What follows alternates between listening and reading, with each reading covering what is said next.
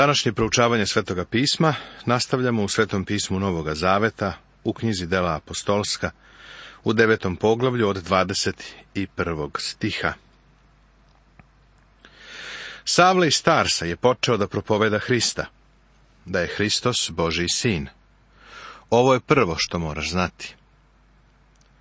A svi koji su ga slušali, divili su se i govorili su, nije li to onaj koji je u Jerusalimu upropastio one koji prizivaju ovo ime, i zar nije ovamo došao da ih svezane povede pred prvosveštenike? A Savle je bivao sve jači i zbunjivao je judeje koji su stanovali u Damasku, dokazujući da je ovaj Isus Mesija. Ovaj Isus je Mesija. Savle je jevreje zbunjivao, propovedajući im ovo. Savle i Starsa je broj jedan u nekoliko područja. On je broj jedan u patnji.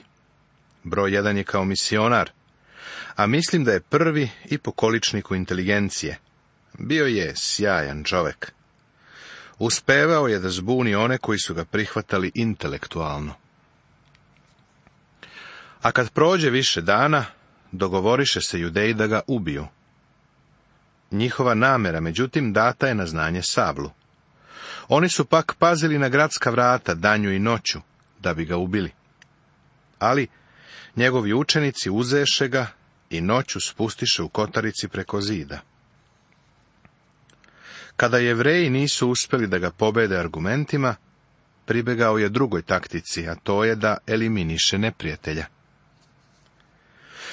Mislim da je bilo vrlo uzbudljivo iskustvo što su ga spustili preko zida u velikoj korpi. Ipak, u Novom Zavetu nigde ne čitamo kako je Pavle putovao rimskim carstvom i predavao na temu u korpi preko zida. Ovo bi za mnoge koji se danas bave senzacionalizmom bila pouka.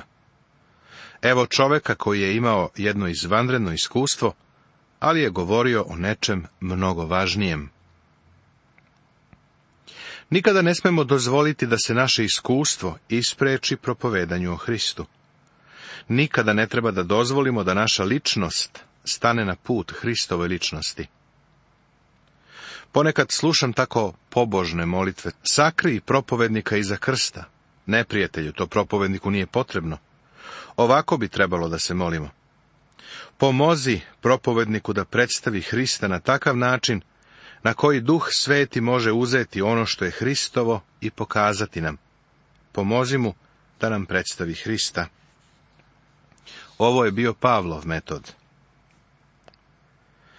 Savle u Jerusalimu. A kad dođe u Jerusalim, pokušavao je da se pridruži učenicima. Ali svi su se bojali njega, jer nisu verovali da je učenik. Oni su mislili da je ovo bila prevara Savla i Starsa, da se on na svoj način uvlači među njih. Bili su progonjeni. A verovatno su čuli o Simonu Vračaru i taktici koju je on upotrebio u Samariji. Tada ga Varnava prihvati, dovede apostolima i kaza im kako je Savle na putu video gospoda i da mu je govorio — i kako je u Damasku slobodno istupao u ime Isusovo. Dobri stari Varnava, čije ime znači sin utehe i ohrabrenja. On dolazi i grli Savla. Kakav je to blagoslov bio za Savla? Još uvek su nam potrebni ljudi koji će prigrliti nove hrišćane i pomoći im. Varnava je tako postao Savlov jemac. I sa njima je ulazio u Jerusalim i izlazio istupajući slobodno u ime gospodnje. Pavla su prihvatili u zajednici u Jerusalimu, pa se on pridružuje snagama te crkve. Govorio je i prepirao se sa jelinistima, no oni su nastojali da ga ubiju. Ovo nisu Grci. To su Izraelci sa grčkom pozadinom. Odrasli su i vaspitavani izvan Izraela, negde u grčkom svetu. Savlovo svedočanstvo je bilo tako silno da su zaključili da treba da ga se otarase, odnosno da ga eliminišu, to jest ubiju. A kada braća to doznaše, svedoše ga u Kesariju i odatle poslaše u Tars. Pavle ide u svoj rodni kraj.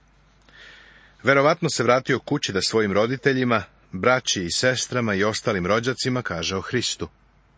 O njima ne znamo ništa. Pavle nikada nije govorio o svojoj porodici, osim jednom.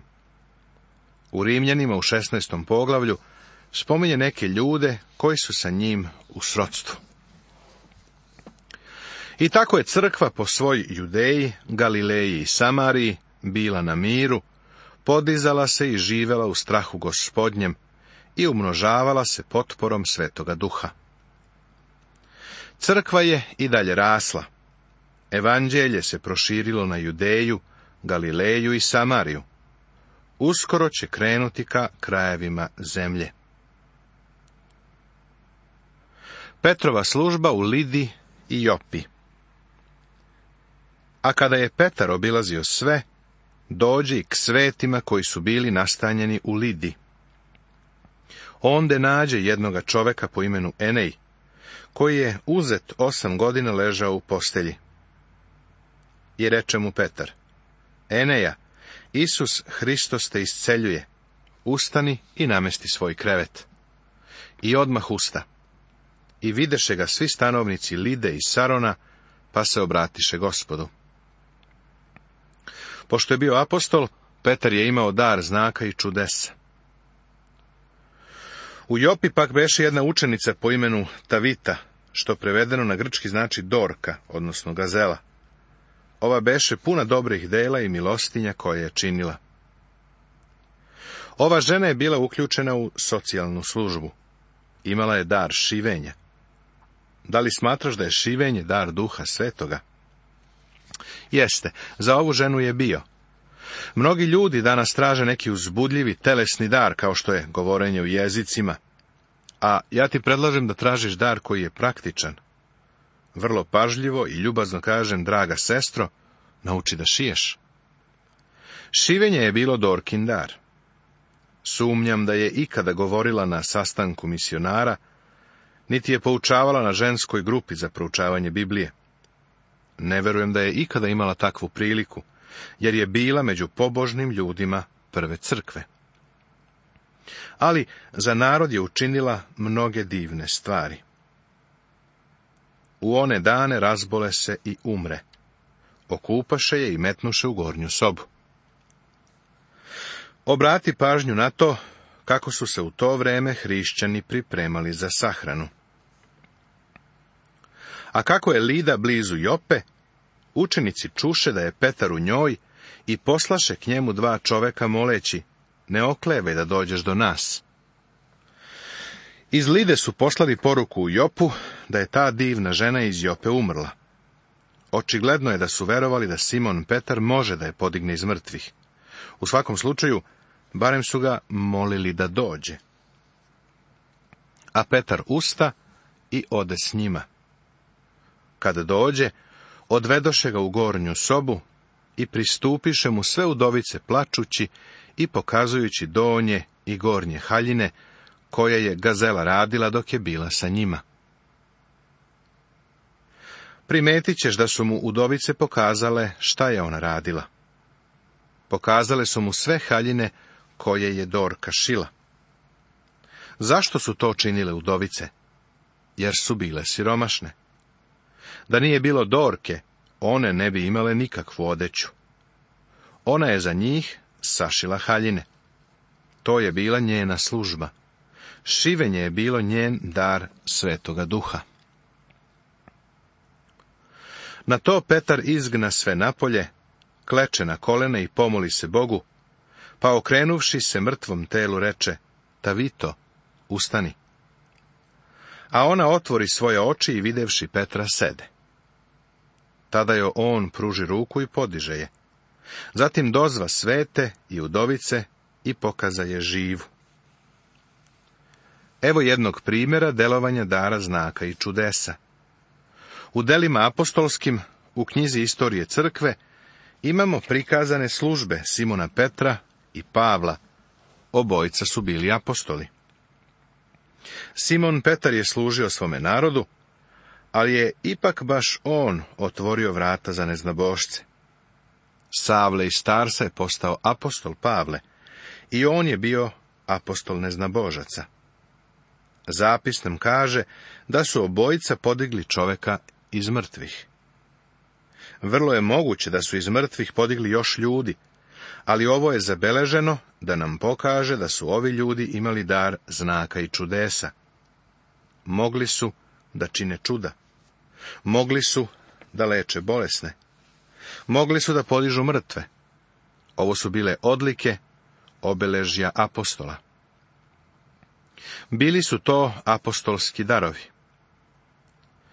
Pavle kaže da apostoli predstavljaju temelj za crkvu u tom smislu da se crkva na njima gradi.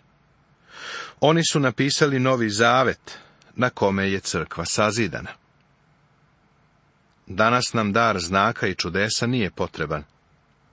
Na kraju doba kada je napisan novi zavet, apostol Jovan je napisao svoje poslanice. Slušaj šta on kaže kako se otkrivaju prevaranti. Ako vam ko dođe i ne donese ove nauke, ne primajte ga u kuću i ne pozdravljajte ga. Jer koga pozdravlja, učestvuje u njegovim zlim delima, kaže druga poslanica Jovanova, 10. i 11. stih. Kako se bližio kraj Pavlove službe, zapis nam jasno pokazuje da Pavle nije upražnjavao dar isceljenja. Na primjer, zapazi da je trofima ostavio bolesnog u Militu, kako je zapisano u drugoj poslanici Timoteju, u četvrtom poglavlju u dvadesetom stihu. Zašto apostol Pavle nije iscelio svog prijatelja Trofima? Vidiš, Pavle je došao na kraj službe. Tada je već dar čuda počeo da nestaje iz crkve. Na početku Pavlove službe nije napisano ništa od Novog Zaveta. Sam Pavle je napisao drugu knjigu Novoga Zaveta. Kada je sa svojom porukom otišao na novu teritoriju, u čemu je bio njegov autoritet?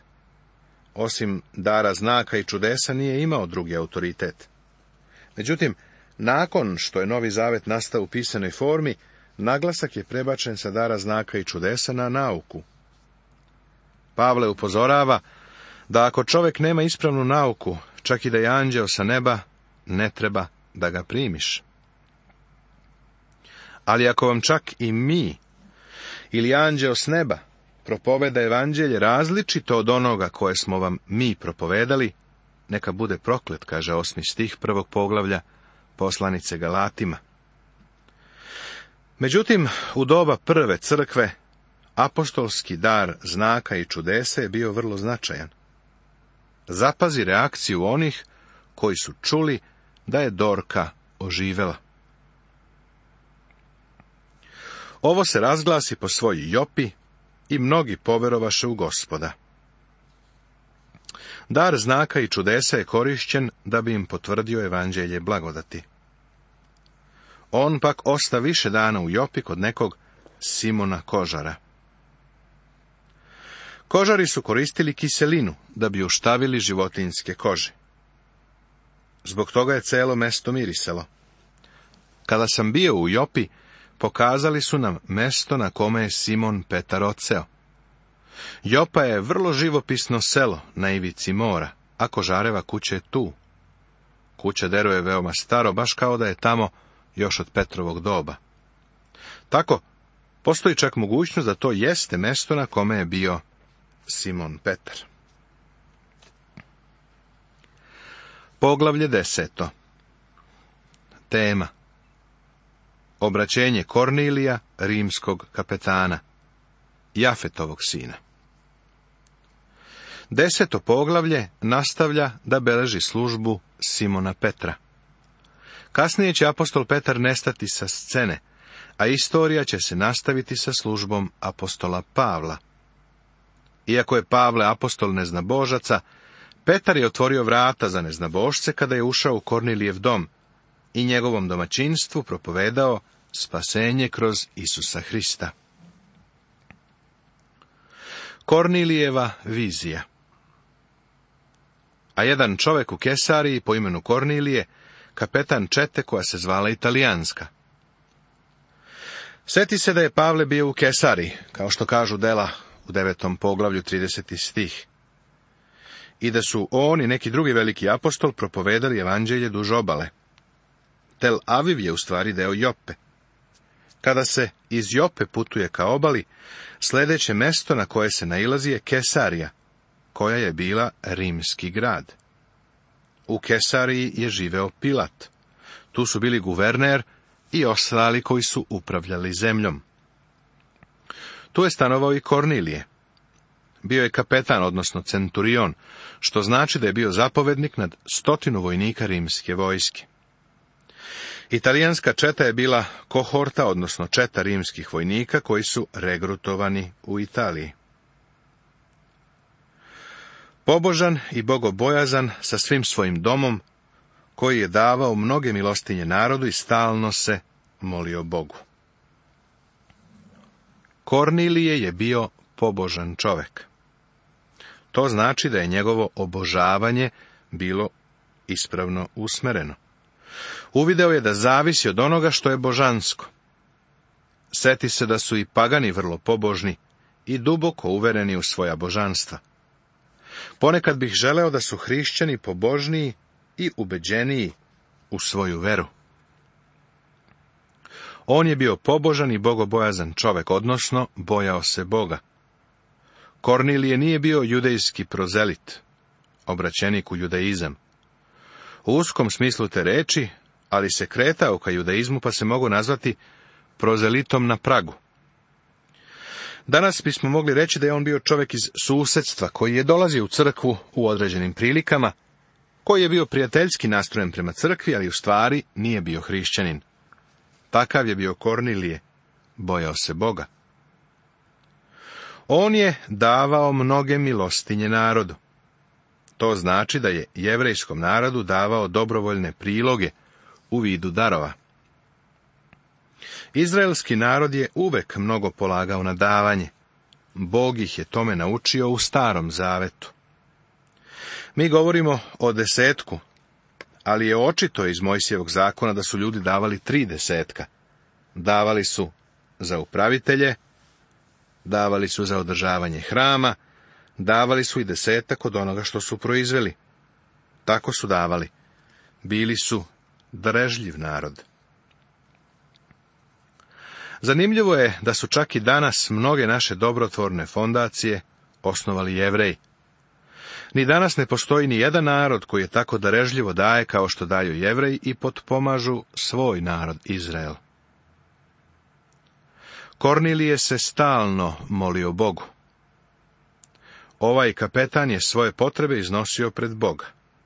Bilo mu je potrebno više prosvetljenja. Verovatno nije mnogo znao o molitvi, ali molio se. Vide oko devetog časa jasno u viđenju anđela Božijeg, kako uđe k njemu i reče mu Kornilije.